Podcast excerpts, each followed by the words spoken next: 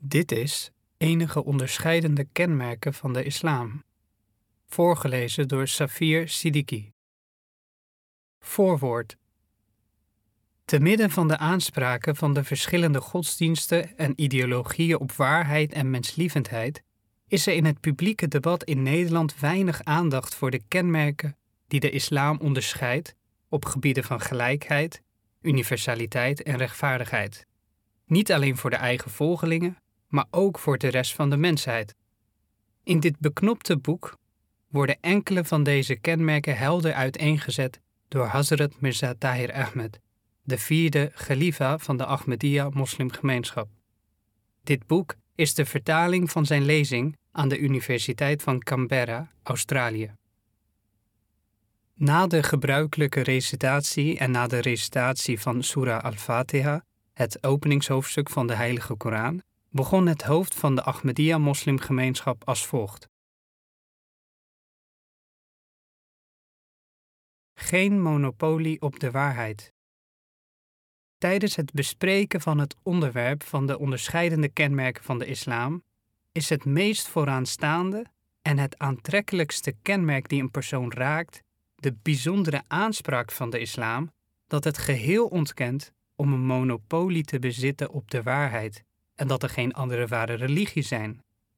Nog maakt het aanspraak dat de Arabieren de enige ontvanger zijn van Gods liefde. Islam is de enige religie die het idee in zijn geheel verwerpt dat er op de waarheid een monopolie rust van slechts één enkele religie, ras of volk. In plaats hiervan verklaart het dat de goddelijke begeleiding een algemene gunst is voor de gehele mensheid van alle tijden. De Heilige Koran vertelt ons dat er geen enkel ras, noch volk is, die niet gezegend is met de gunst van goddelijke begeleiding, en dat er geen enkel gebied op aarde is, noch een groep mensen, die geen profeten of boodschappers van God hebben ontvangen. In tegenstelling tot de wereldwijde islamitische opvatting van de manifestatie van Allahs gunst op alle mensen van de aarde, zijn wij verbaasd door het feit dat er geen enkel boek of enig andere religie bevestigt of zelfs een vermelding maakt van de mogelijkheid dat andere mensen en naties licht en begeleiding hebben ontvangen van Allah gedurende welke tijdperk dan ook. In feite wordt de waarheid en geldigheid van de lokale of regionale religie vaak zeer sterk benadrukt en de waarheid van andere religies wordt totaal genegeerd.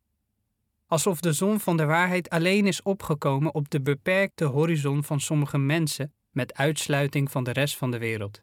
In andere woorden, zij zijn verbannen en veroordeeld tot eeuwige duisternis. De Bijbel bijvoorbeeld presenteert alleen de God van Israël en zegt herhaaldelijk: Gelooft zij de Heere, de God Israëls? Zelfs met betrekking tot het verleden bevestigt het niet de waarheid van de religieuze openbaringen die andere landen en andere mensen hebben ontvangen.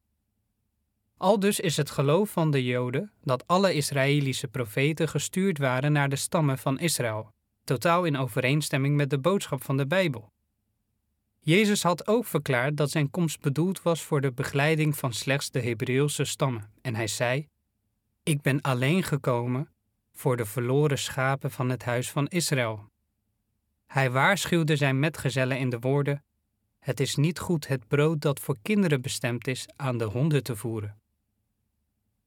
Op dezelfde manier worden in de boeken van de Hindoe-religie alleen zij toegesproken die tot een hogere geboorte behoren. Er staat vermeld dat, als iemand van de basisgeboorte per ongeluk iets hoort van de tekst uit de Veda, de koning zijn oren moet verzegelen met gesmolten wax en lood. En als hij een deel uit het geschrift leest, dan moet zijn tong worden afgehakt. En als hij slaagt in het lezen van de Veda, dan moet zijn lichaam in stukken worden gehakt. Zelfs als wij zulke drastische bevelen negeren en een minder strenge uitleg kiezen, zal het feit nog steeds blijven dat de heilige boeken van verschillende religies niet, ook niet impliciet, verwijzen naar de waarheid van de religies van andere landen en mensen. De basisvraag die hier nu ontstaat is dat indien al deze religies waar zijn, wat was dan de wijsheid om het concept van God te presenteren in zulke gelimiteerde en beperkte termen? De Heilige Koran verschaft graag een oplossing voor deze moeilijke situatie. Deze zegt dat zelfs voor de openbaring van de Heilige Koran en de komst van de heilige profeet Mohammed vrede zijn met hem, goddelijke boodschappers inderdaad gestuurd zijn naar iedere natie en naar iedere deel van de aardbol. Maar hun gebied was regionaal en hun taak was tijdelijk. Dit komt omdat de menselijke beschaving nog niet het niveau van ontwikkeling had bereikt waarbij de benoeming van een universele boodschapper, een drager van een universele boodschap, mogelijk was. Een universele religie. De allereerste bladzijde van de Heilige Koran verheerlijkt de Heer die de verzorger is van alle werelden. En de laatste passages sporen ons aan om te bidden tot de Heer van de mensheid. Aldus, zowel de eerste en de laatste woorden van de Heilige Koran presenteren het concept van een volledig universum, en niet slechts dat van een God van de Arabieren of van de moslims. Ongetwijfeld heeft niemand voor de heilige profeet vrede zijn met hem de gehele mensheid uitgenodigd. En geen enkel boek heeft voor de heilige Koran de gehele wereld toegesproken. De eerste aanspraak hierop werd gemaakt door de heilige profeet van de islam in de volgende woorden. En wij hebben u slechts gezonden als een brenger van blijde tijdingen en een waarschuwer voor het gehele mensdom, maar de meeste mensen begrijpen het niet. En vervolgens, zeg, o mensheid, ik ben een boodschapper tot u allen. En wanneer de Heilige Koran zichzelf als gids voor alle werelden noemt, verklaart het zichzelf als de begeleiding waaraan de ware ontwikkeling en vooruitgang van de mensheid is verbonden. De Heilige Koran is herhaaldelijk de bevestiger genoemd van andere boeken. En moslims worden onderricht om precies op dezelfde manier te geloven in alle profeten zoals zij geloven in hun eigen profeet. In ons geloof is het verboden om onderscheid te maken tussen één van hen, laat staan het geloven in sommigen en het ontkennen van anderen. De Heilige Koran zegt: Wij allen geloven in Allah, zijn engelen, zijn boeken en zijn boodschappers. Het is nuttig om te analyseren of universaliteit wel of niet een geliefd aspect is en waarom de islam er een groot nadruk op legt.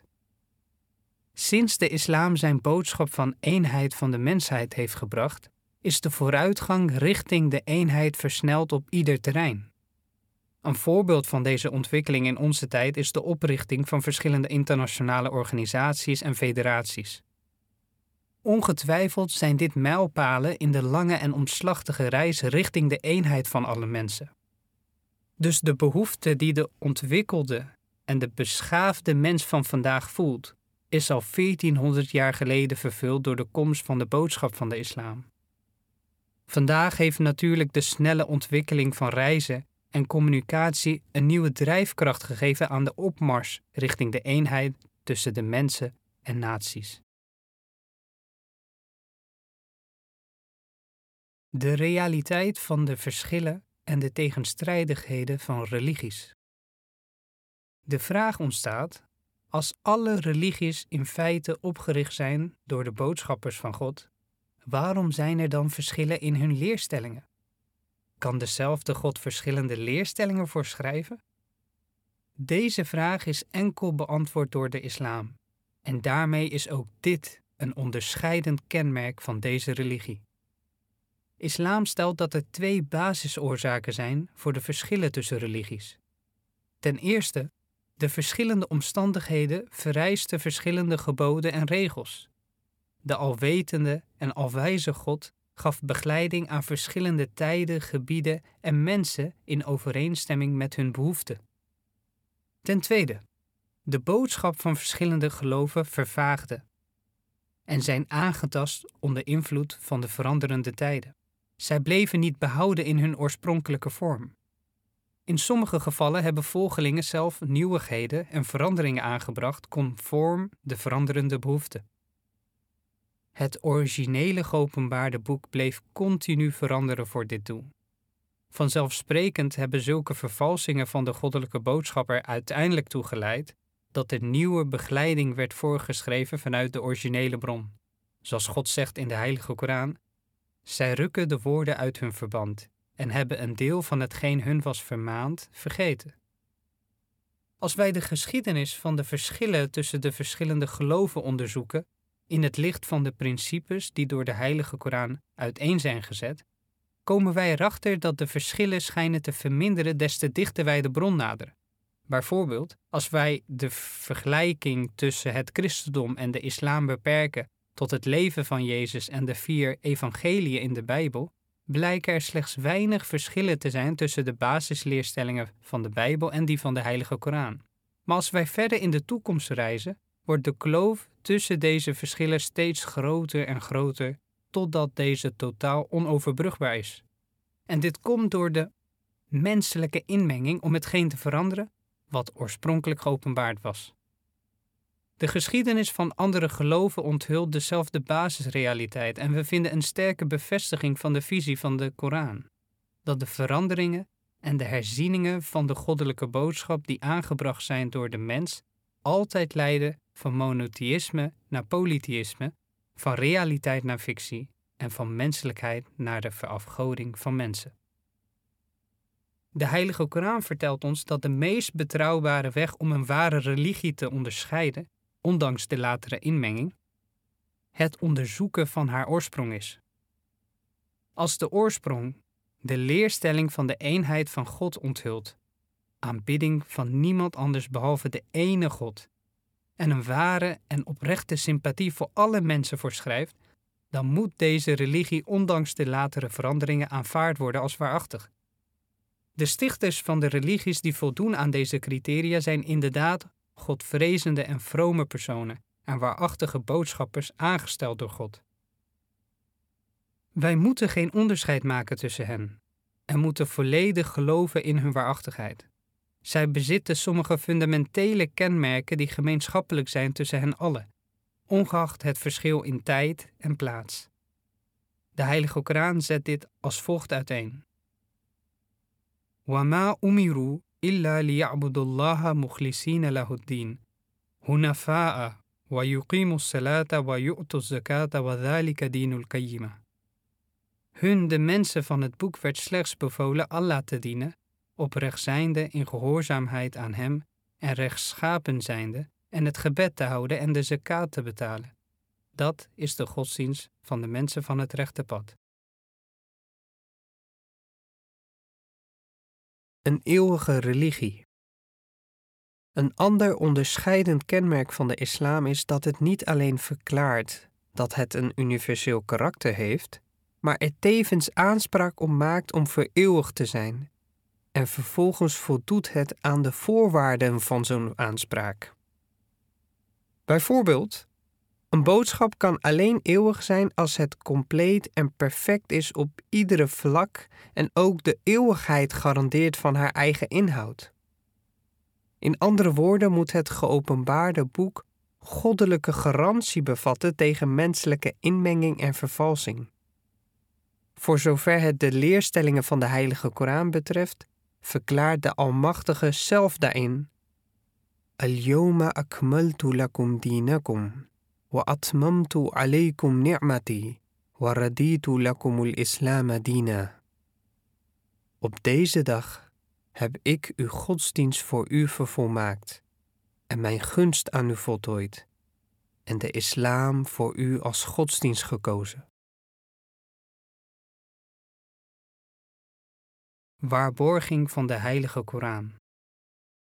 Zoals ik reeds heb verteld, is het niet voldoende voor een eeuwige leer om slechts compleet en perfect te zijn. Maar er moet ook een garantie bestaan dat de leer in de oorspronkelijke vorm tot in de eeuwigheid bewaard blijft. De Heilige Koran voldoet volledig aan deze fundamentele voorwaarden. En hij, die de Heilige Koran heeft gezonden, heeft dit in de meest duidelijke termen beloofd.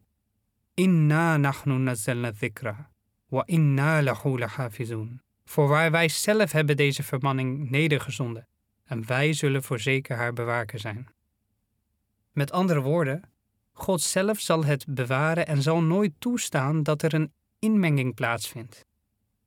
Een methode van de waarborging van de tekst in overeenstemming met de goddelijke wil is dat er altijd honderdduizenden mensen in iedere tijd zijn geweest die de volledige tekst van de Heilige Koran uit het hoofd hebben geleerd en deze praktijk doet zich tot op de dag van vandaag voor. en de principiële maatregel voor de waarborging van de inhoud en de essentie van de boodschap vond plaats door de goddelijke aanstelling van begeleiders, hervormers en herstellers in de latere dagen. Zij waren aangesteld als spirituele leiders door de Almachtige zelf, en onder de goddelijke begeleiding hebben zij verschillen en geschillen opgelost onder de volgelingen van de islam. Zodoende hebben zij de ware geest van de Heilige Koran veiliggesteld. Uiteraard ontstaat hier de vraag of de aanspraak van de Koran over zijn waarborging ook ondersteund wordt door betrouwbare bewijsstukken. Een aanwijzing voor het antwoord op deze vraag ligt in het feit dat er een groot aantal niet-moslim-onderzoekers zijn die ondanks hun pogingen totaal gefaald hebben om aan te tonen dat de tekst van de Heilige Koran zelfs in het minste of geringste is aangepast na het overlijden van de heilige profeet van de islam. In feite zijn er vele niet-moslim-onderzoekers die na hun uitvoerige onderzoeken zich gedwongen hebben gevoeld om openlijk te erkennen dat de Heilige Koran inderdaad bewaard is gebleven in zijn oorspronkelijke vorm. Sir William Muir zegt in zijn werk The Life of Muhammad bijvoorbeeld: Er is overigens alle zekerheid, intern en extern, dat wij de tekst bezitten die Mohammed zelf verspreidde en gebruikte. Wij kunnen op de sterkste onderscheiding bevestigen dat iedere vers in de Koran de echte en onveranderde compositie van Mohammed zelf is. Noldiek zegt: Er kunnen zeer kleine schrijffouten zijn geweest, maar de Koran van Osmaan bevat niets dan de echte elementen, hoewel soms in een erg vreemde volgorde. De inspanningen van Europese geleerden om het bestaan te bewijzen van latere interpolaties in de Koran zijn mislukt. Een complete religie. Islams onderscheidende en unieke aanspraak dat de leerstellingen van de Heilige Koran compleet, perfect en volledig in staat zijn om de gehele mensheid voor alle tijden te begeleiden, wordt ook volledig ondersteund door logica het is niet mogelijk om dit onderwerp in dit korte tijd uitvoerig te behandelen. En daarom moet ik mij beperken tot een korte verwijzing naar enkele principiële richtlijnen en illustratieve voorbeelden. Ten eerste moeten wij inzien hoe de islam erin slaagt om te voldoen aan de eisen van de veranderende tijden. Zodoende voorkomt het dat zijn leer veranderd moet worden. Het is inderdaad fascinerend om de richtlijnen van de islam hierover te bestuderen. Ik zal nu hieruit slechts een eenvoudig voorbeeld aan u presenteren. Islam spreekt zich alleen uit over fundamentele principes en weerhoudt zich van het uiteenzetten van zulk een uitleg die een verandering behoeft om te voldoen aan de veranderende tijden en situaties. Islam houdt volledig rekening met de intellectuele, sociale en politieke evolutie van de mens zijn leer houdt rekening met alle mogelijke situaties. Het erkent niet alleen het feit dat er continu verandering plaatsvindt in naties, maar het erkent ook de realiteit dat niet alle mensen gelijk zijn in hun eigen ontwikkeling in een specifieke tijd. Bijvoorbeeld, het is mogelijk dat een deel van de aarde bewoond wordt door mensen vanuit het stenen tijdperk en dat sommige groepen en stammen nog steeds duizend jaar achterlopen op hun ontwikkeling terwijl wij allemaal in dezelfde tijd bevinden. Hun intellectuele, sociale en politieke toestand kan behoren tot een tijd van ver in het verleden. Ik denk dat wij alle ermee instemmen dat het een toppunt van dwaasheid is om moderne politieke ideologieën op te leggen aan de oorspronkelijke bewoners van Australië of de Pygmeeën van Congo. Islam is een religie die overeenkomt met de menselijke natuur en voldoet aan de menselijke eisen. Er is geen verandering nodig in zijn leerstellingen, tenzij er ook een fundamentele verandering plaatsvindt in de menselijke natuur, een denkbeeld dat wij meteen kunnen verwerpen. Dit zijn enkele facetten van de principes van de islamitische leerstellingen. Ik zal dit nu verder kort toelichten, zodat mijn betoog volledig begrepen kan worden. Zakat versus rente. Islam veroordeelt de institutie van rente in alle vormen en spoort de totale afschaffing hiervan sterk aan. De drijfkracht die de islam voorstelt in plaats van rente om het economische wiel draaiende te houden, wordt zakat genoemd. Uiteraard kan ik dit onderwerp niet uitvoerig bespreken in de beschikbare tijd en zal daarom slechts enkele woorden met u delen over de methodologie die door de Heilige Koran is gebruikt om zo de essentie van zijn leerstellingen te presenteren op dit belangrijke gebied. Zakat is een systeem om belasting te heffen op het kapitaal van de rijken. Naast het nakomen van de behoeften van de staat, beoogt deze belasting het nakomen van de behoeften van armen. In andere woorden verzorgt dit systeem niet alleen de behoeften voor het regeringsapparaat, maar het garandeert ook om de behoeften van het sociale welzijn na te komen. Het enige dat wordt gedaan is het uiteenzetten van een basisprincipe, waarna de rest wordt overgelaten aan hen die kennis en verstand hebben om de details uit te werken, in overeenstemming met de heersende omstandigheden in een specifiek gebied in een specifieke tijd. De Heilige Koran zegt dat in de rijkdom van hen die meer bezitten dan hun basisbehoeften, ook een deel voor hen is die niet beschikken over hun basisbehoeften en in hun gebied als armen worden gezien. Dit maakt duidelijk dat het het recht is van een ieder persoon dat hij wordt voorzien van bepaalde basisbehoeften van het leven in ieder land en maatschappij. Zij die hiervoor verantwoordelijk zijn gesteld, zijn zij die meer bezitten dan hun basisbehoeften. Het wordt overgelaten aan de staat om te beslissen wat de manier van aanpak is, namelijk dat het systeem eerlijk en rechtvaardig is en tevens voldoet en adequaat voldoet aan dit basisdoel. Richtlijnen in politieke zaken. Een ander belangrijke internationaal vraagstuk waarmee wij vandaag de dag geconfronteerd worden, is het definiëren van de vorm van regering voor een gebied of een land. Ook op dit gebied zijn de principiële richtlijnen van de islam zo pertinent, zwaarwegend en elastisch dat hun waarheid en uitvoerbaarheid vanzelfsprekend is. Niemand kan ontkennen dat een specifieke regeringsvorm al dan niet geschikt kan zijn wanneer het wordt toegepast volgens de vereiste omstandigheden. Het is waanzin om te denken dat een specifieke politieke systeem kan voldoen aan de behoeften van alle volken in alle tijden. Dit is de reden waarom de islam niet een specifieke regering voorschrijft. Het verschrijft nog een democratische, nog een socialistische vorm, nog stelt het een monarchie of een dictatorschap voor. In plaats van het uiteenzetten van de manier van het vestigen van een regering, schrijft de islam de principes voor hoe politieke en regeringszaken behandeld moeten worden. Het onderricht de voorwaarde dat ongeacht de vorm van de regering, de verantwoordelijkheid van een regering is om altijd haar verantwoordelijkheden met rechtvaardigheid, eerlijkheid en met sympathie uit te voeren en om altijd de fundamentele mensenrechten te handhaven. Al dus in plaats van het benadrukken van het eerste segment van de gangbare aanvaarde definitie van democratie, oftewel regering door de mensen, benadrukt de islam dat wat ook de vorm van regering is, het onder alle omstandigheden voor de mensen moet zijn. Zodat wanneer democratie wordt genoemd naast andere vormen van regering, de ware nadruk wordt gelegd op gelijkheid. Het benadrukt dat het geen holle democratie moet zijn, maar dat zij die de regeerders kiezen bekwame mensen zijn en gemotiveerd worden met alle oprechtheid om alleen hen te kiezen die werkelijk geschikt en capabel zijn voor de taak.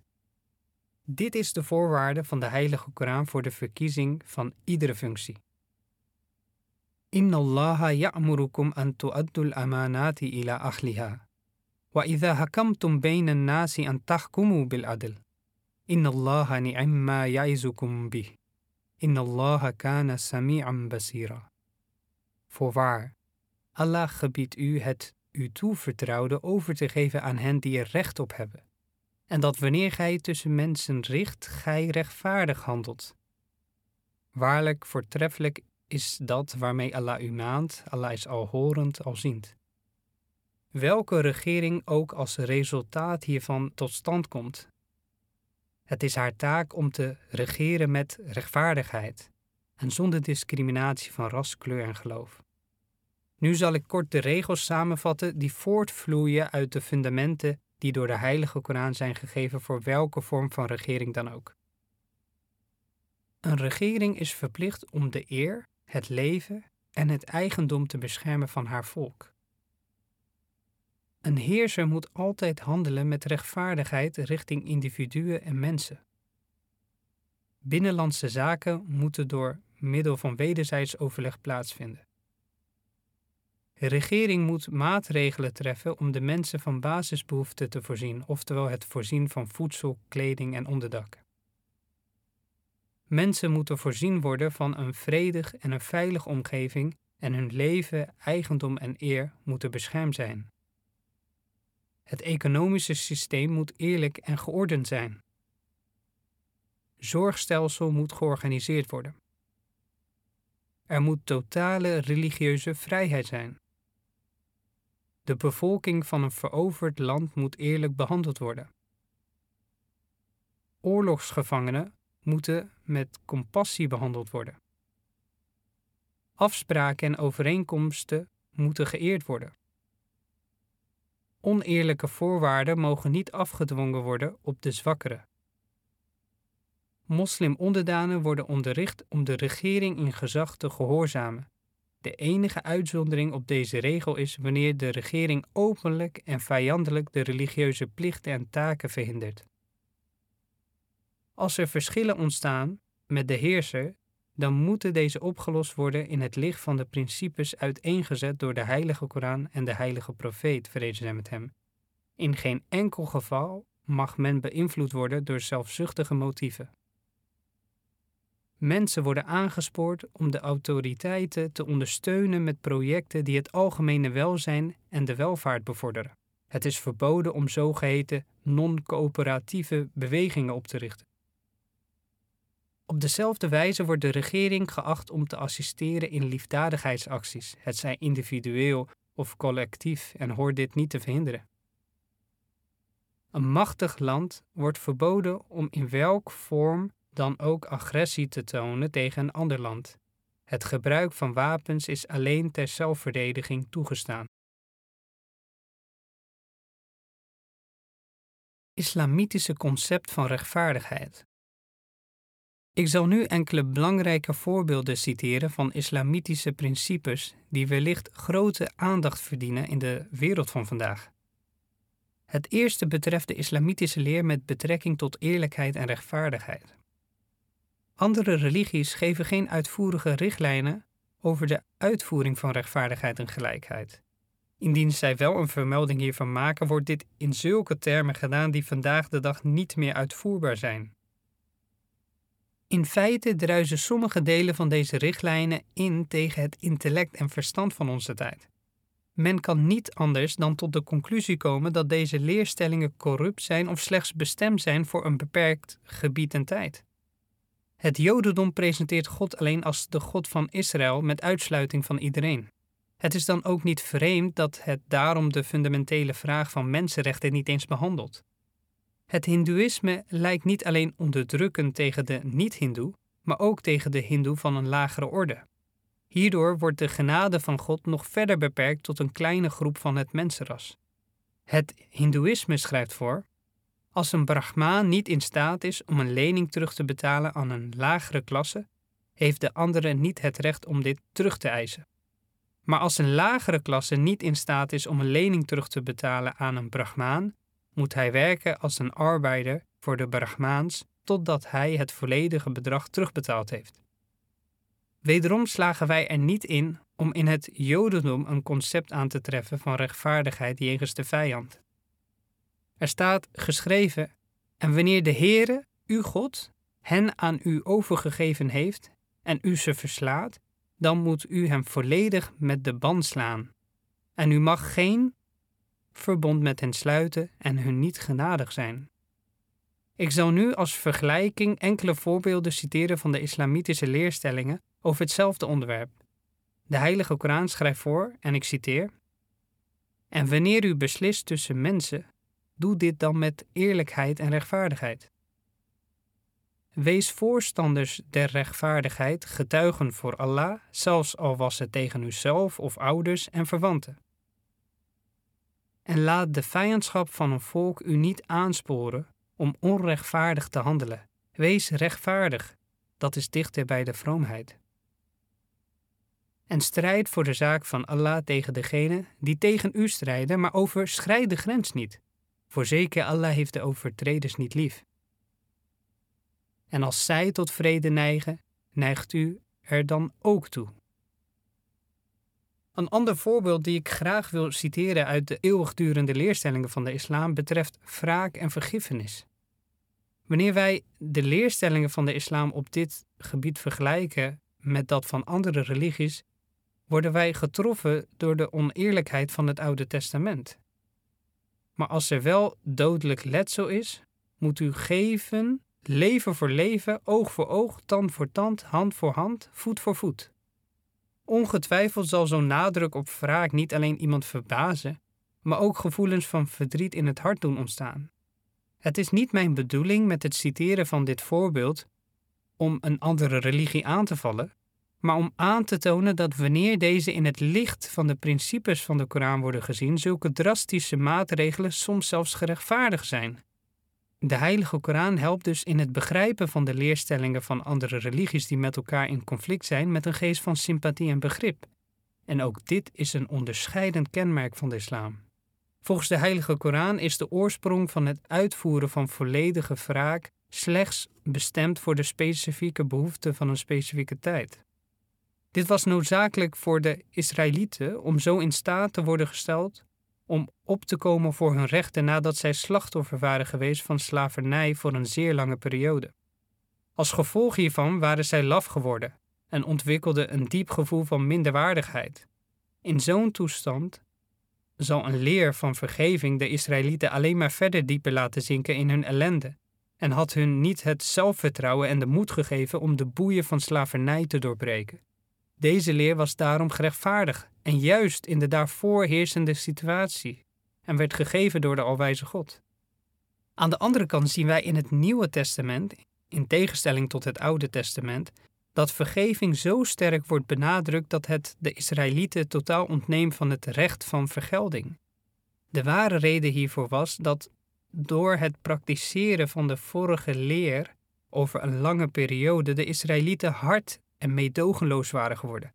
Dit kon alleen verholpen worden door hen voor een specifieke periode het recht van vergelding te ontnemen. Daarom heeft Jezus hen onderwezen: U hebt gehoord dat er gezegd is oog voor oog en tand voor tand. Ik zeg u echter dat u geen weerstand moet bieden aan de boze. Maar wie u op de rechterwang slaat, keer hem de andere toe. En als iemand u voor het gerecht wil dagen en uw onderkleding nemen, geef hem dan ook het bovenkleed. Islam beschouwt deze tegengestelde leerstellingen als aanvullend, elk geschikt volgens de condities en situatie heersend in die tijd. Maar geen van beide zijn in staat om er aanspraak op te maken universeel en voor eeuwig te zijn. Dit spreekt voor zich, aangezien de mens nog steeds een eerdere fase van ontwikkeling aan het doorlopen was en nog niet één gemeenschap geworden was aan wie een wet gegeven kon worden die definitief en universeel zou zijn. Wij geloven dat islam die laatste wet is en dusdanig een leer voorschrijft vrij van invloeden van gebied en tijd. Dit wordt perfect geïllustreerd door de leer die onder discussie is. De Heilige Koran zegt: Doch de vergelding van het kwade is het daaraan gelijke. Maar wie vergeeft en verbetering voor ogen houdt, zijn loon rust bij Allah. Voorzeker, hij houdt niet van de onrechtvaardigen. Islam combineert de beste aspecten van beide vroegere leringen met de cruciale toevoeging dat vergeving benadrukt wordt, indien dit resulteert in de verbetering en de hervorming van de overtreden, wat ook het uiteindelijke doel is. Indien dit niet het geval is, dan wordt straffen noodzakelijk geacht echter zonder de grens te overschrijden van hetgeen dat overtreden is. Ongetwijfeld is deze richtlijn in volledige overeenstemming met de menselijke natuur en is vandaag de dag net zo uitvoerbaar zoals toen het geopenbaard was 14 eeuwen geleden. enkele andere onderscheidende kenmerken. Het onderwerp van de onderscheidende kenmerken van de islam is heel breed. Ik heb slechts enkele aspecten kunnen tonen die ik voor deze presentatie had gekozen. De tijd staat mij niet meer toe dan slechts een korte verwijzing te maken naar enkele andere aspecten die ik niet wens over te slaan. Islam verklaart dat God de schepper is van het universum en presenteert zijn eenheid in volledige, simpele termen, begrijpelijk en aantrekkelijk voor zowel een boer als een intellectueel. Islam noemt God een perfecte wezen, de bron van alle voortreffelijkheden en vrij van alle onvolmaaktheden. Hij is een levende God die zich overal manifesteert en die zijn schepping lief heeft en luistert naar hun smekingen. Hij communiceert met de mensheid zoals hij dat vroeger deed, en hij heeft niet de wegen afgesloten die direct naar hem leiden. Islam verklaart dat er geen tegenstrijd is tussen het woord van God en zijn daad. Het bevrijdt ons van de traditionele wedijver tussen wetenschap en religie. Het vereist niet van ons om te geloven in iets dat buiten de natuurwet om is vastgesteld door hem. Het spoort aan om te verdiepen in de natuur en om ervan te profiteren, want alles is geschapen voor het welzijn van de mensheid. Islam maakt geen overbodige aanspraken, noch dwingt het ons om te geloven in iets wat wij niet kunnen begrijpen. Het ondersteunt zijn leerstellingen met reden en uitleg. Het stelt ons intellect gerust en ook tot in de diepte van onze ziel. Islam is niet gebaseerd op mythen of folklore. Het nodigt iedereen uit om zelf te experimenteren en verklaart dat de waarheid altijd verifieerbaar is. Het geopenbaarde boek van de islam is uniek en onderscheidt zich van alle andere geloven. Ondanks de collectieve pogingen van de tegenstanders door de eeuwen heen, hebben zij niet eens een klein gedeelte van dit wonderbaarlijke boek kunnen evenaren. Zijn kwaliteit ligt niet alleen in zijn unieke literaire voortreffelijkheid, maar ook in de eenvoud en diepgang van zijn leerstellingen. De Heilige Koran verklaart dat het de beste leer is, een aanspraak dat door geen andere geopenbaarde boek is gemaakt. De Heilige Koran verklaart dat het de beste kenmerken van vroegere geschriften combineert en dat alle eeuwigdurende en uitvoerige leerstellingen in zijn leer zijn verzameld. De Heilige Koran zegt, waarin alle geschriften verzameld zijn. Voorzeker, dit is in vroegere geschriften vermeld, de geschriften van Abraham en Mozes. Een onderscheidend kenmerk van de islam is dat zijn geopenbaarde boek in een levende taal is. Is het niet verrassend dat de talen van alle andere geopenbaarde boeken verloren zijn gegaan of niet meer gebruikt worden? Een levende boek moest in een levend en in een eeuwigdurende taal zijn. Nog een onderscheiding van de islam is dat zijn profeet door ieder denkbare fase van het menselijke leven ging.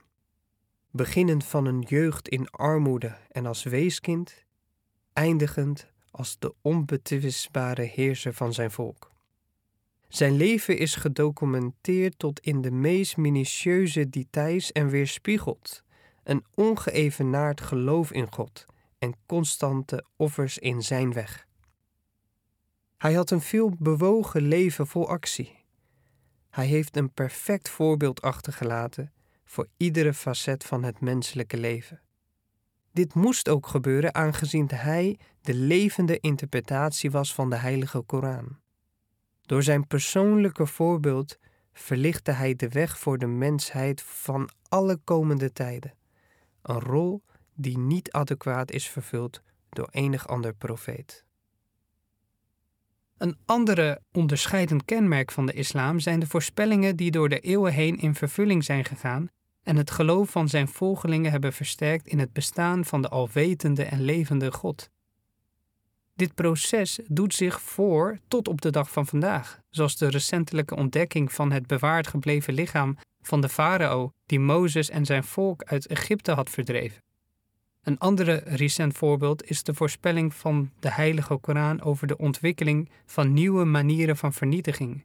Vuur dat opgesloten is in kleine delen en dat zich verspreidt en zich beweegt voordat het ontploft, op zo'n gewelddadige wijze dat zelfs bergen erdoor verdampen. Een ander kenmerk van de islam is dat wanneer het spreekt over het hiernamaals en het leven na de dood, het ook gebeurtenissen voorspelt die in de toekomst plaats gaan vinden in deze wereld. De vervulling van deze voorspellingen versterkt ook het geloof van zijn volgelingen in het leven na de dood. Islam onderscheidt zich van andere religies door het geven van een omvangrijk gedragscode in individuele, collectieve en internationale betrekkingen. Deze richtlijnen omvatten iedere denkbare situatie en bevatten de relatie tussen jong en oud, de werkgever en de werknemer, tussen familieleden, tussen vrienden en partners en zelfs tussen vijanden. De regels en de principes die uiteen zijn gezet zijn waarlijk universeel en hebben de test van de tijd al doorstaan. Islam verklaart dat er complete gelijkheid is tussen de mensen, ongeacht het verschil in kasten, geloof en kleur. Het enige criterium van eer dat aanvaard wordt is dat van godvrezendheid, niet dat van geboorte, rijkdommen, ras of kleur. De Heilige Koran zegt: Voorzeker de godvruchtigste onder u is de eerwaardigste bij Allah. En nogmaals, wie goed doet, man of vrouw, een gelovig is, zal het paradijs binnengaan. Daarin zullen zij van alles worden voorzien zonder berekening. Islam presenteert een definitie van goed en kwaad waarmee het zich onderscheidt van alle andere religies. Het beschouwt de natuurlijke menselijke verlangens niet als kwaad. Islam leert dat onze natuurlijke verlangens gereguleerd en gekanaliseerd moeten worden zodat zij constructief en heilzaam zijn voor de samenleving. Islam heeft vrouwen niet alleen erfgenamen gemaakt van eigendom, maar heeft hen ook gelijke rechten gegeven zoals de man, maar niet op een manier waarin hun onderscheidende kenmerken van hun anatomie worden genegeerd, noch hun exclusieve verantwoordelijkheden in het baren en opvoeden van de kinderen. Een religie van vrede. Ten slotte wil ik alle individuen die zoeken naar vrede de blijde tijding geven dat alleen de islam het geloof is dat vrede garandeert op alle gebieden en op alle niveaus. Individueel, sociaal, economisch, nationaal en bovennationaal. Alleen de islam draagt een naam, hetgeen letterlijk vrede betekent. Iemand die een moslim wordt, komt niet alleen zelf binnen een veilig haven, maar garandeert dit ook voor anderen. Hij vermijdt alle acties die mogelijk kunnen leiden tot onrechtvaardigheid en verstoring. De heilige profeet, vrede zij met hem, heeft gezegd dat een moslim iemand is wiens woorden en daden anderen niet schaden. De belangrijke toespraak van de heilige profeet, vrede zij met hem, net voor zijn overlijden en na het verrichten van de vaarwelbedevaart, is een eeuwige handvest van vrede voor alle mensen. Islam schrijft niet alleen vrede voor tussen de mensen, maar ook tussen de mens en zijn schepper. Zodat niet alleen andere mensen geen kwaad overkomt door de woorden en daden van een moslim, maar ook hij zelf beschermd blijft van Gods kastijding, die wordt verkregen door grenzen te overschrijden. Dus de vrede van een moslim wordt ook verkregen in deze wereld en in het hiernamaals. De leerstellingen van de islam mits opgevolgd door naties van de wereld, zijn volledig in staat om hen te redden van conflicten en vernietiging. Islam is een levende religie en verklaart dat hij de relatie van de mens met God kan herstellen zoals deze in de vroegere tijden was. De islam beschouwt dat openbaring en communicatie met God niet iets is van het verleden. Het gelooft dat de wegen van spirituele verrukking, betreden door Noah, Abraham, Mozes, Jezus en bovenal de profeet van de islam nog begaanbaar zijn en wenken naar diegenen die verlangen naar een innige band met God. De Ahmadiyya-beweging De Ahmadiyya-beweging in de islam gelooft dat deze aanspraken zijn vervuld in onze tijd in de persoon van haar stichter Hazrat Mirza Ghulam Ahmed, die geboren was in 1835 in een afgelegen dorp Kadiaan in India. Hij werd door de goddelijke genade in staat gesteld om het pad van vroomheid en godvrezenheid te bewandelen. Door strikt de leerstellingen van de islam te volgen werd hij gezegend met een intieme relatie met de Almachtige. Hij verkreeg goddelijke openbaringen, die ook de basis vormden van zijn vele voorspellingen die gedurende zijn leven uitkwamen. Overeenkomstig de goddelijke opdracht heeft hij de Ahmadiyya-beweging in de islam opgericht in het jaar 1889. Toen hij overleed in 1908, liet hij een toegewijde en een krachtige gemeenschap achter met honderdduizenden volgelingen. Zijn missie duurt voort en de gemeenschap wordt sindsdien geleid door gekozen opvolgers. Tijdens het omschrijven van zijn missie schrijft de stichter van onze gemeenschap: Ik ben gestuurd zodat ik bewijs dat alleen de islam een levende religie is. En ik ben gezegend met spirituele krachten waarin andere religies machteloos zijn en ook zij onder ons die spiritueel blind zijn. Ik kan aan iedere tegenstander demonstreren dat de Heilige Koran een wonder is in zijn leerstellingen, in zijn verlichte kennis, in zijn diepgang en verfijnde inzicht en in zijn perfecte welbespraaktheid. Het overtreft de wonderen van Mozes en die van Jezus in honderdvoud. Hij zegt verder: Ik ben het licht in de duisternis van deze tijd. Hij die mij volgt, zal gered worden van valkuilen en sloten gegraven door de duivel om hen te vangen die in het donker zwerven. Hij heeft mij gestuurd zodat ik de wereld in rust en in vrede kan begeleiden naar de ene en ware God en de morele voortreffelijkheden van de islam weer kan vestigen. En ik heb hemelse tekens gekregen om zij die op zoek zijn naar de waarheid te overtuigen. Ik eindig nu mijn toespraak met een ander citaat uit de geschriften van de stichter van de Ahmadiyya-beweging, hetgeen een oproep is aan de gehele mensheid. Die spiegel die u in staat stelt dit opperwezen te zien, is het spreken met het goddelijke. Laat hem, wiens ziel de waarheid zoekt, opstaan en zoeken. Ik zeg u waarlijk dat wanneer zielen worden gevuld met het op een oprechte manier zoeken naar de waarheid en als harten een ware dorst ontwikkelen, men moet zoeken naar de juiste methode en het rechte pad. Maar hoe kan die weg worden ontdekt en hoe kan de sluier die er is worden verwijderd?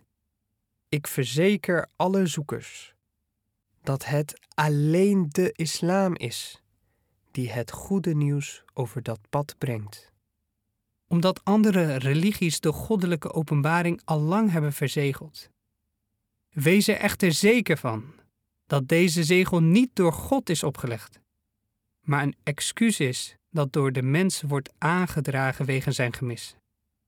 Wees er zeker van dat zoals het niet mogelijk is dat wij zouden kunnen zien zonder ogen, zouden kunnen horen zonder oren, zouden kunnen spreken zonder tong, het evenzo niet mogelijk is dat wij zonder de hulp van de Heilige Koran het aangezicht van de ware geliefde zouden kunnen aanschouwen.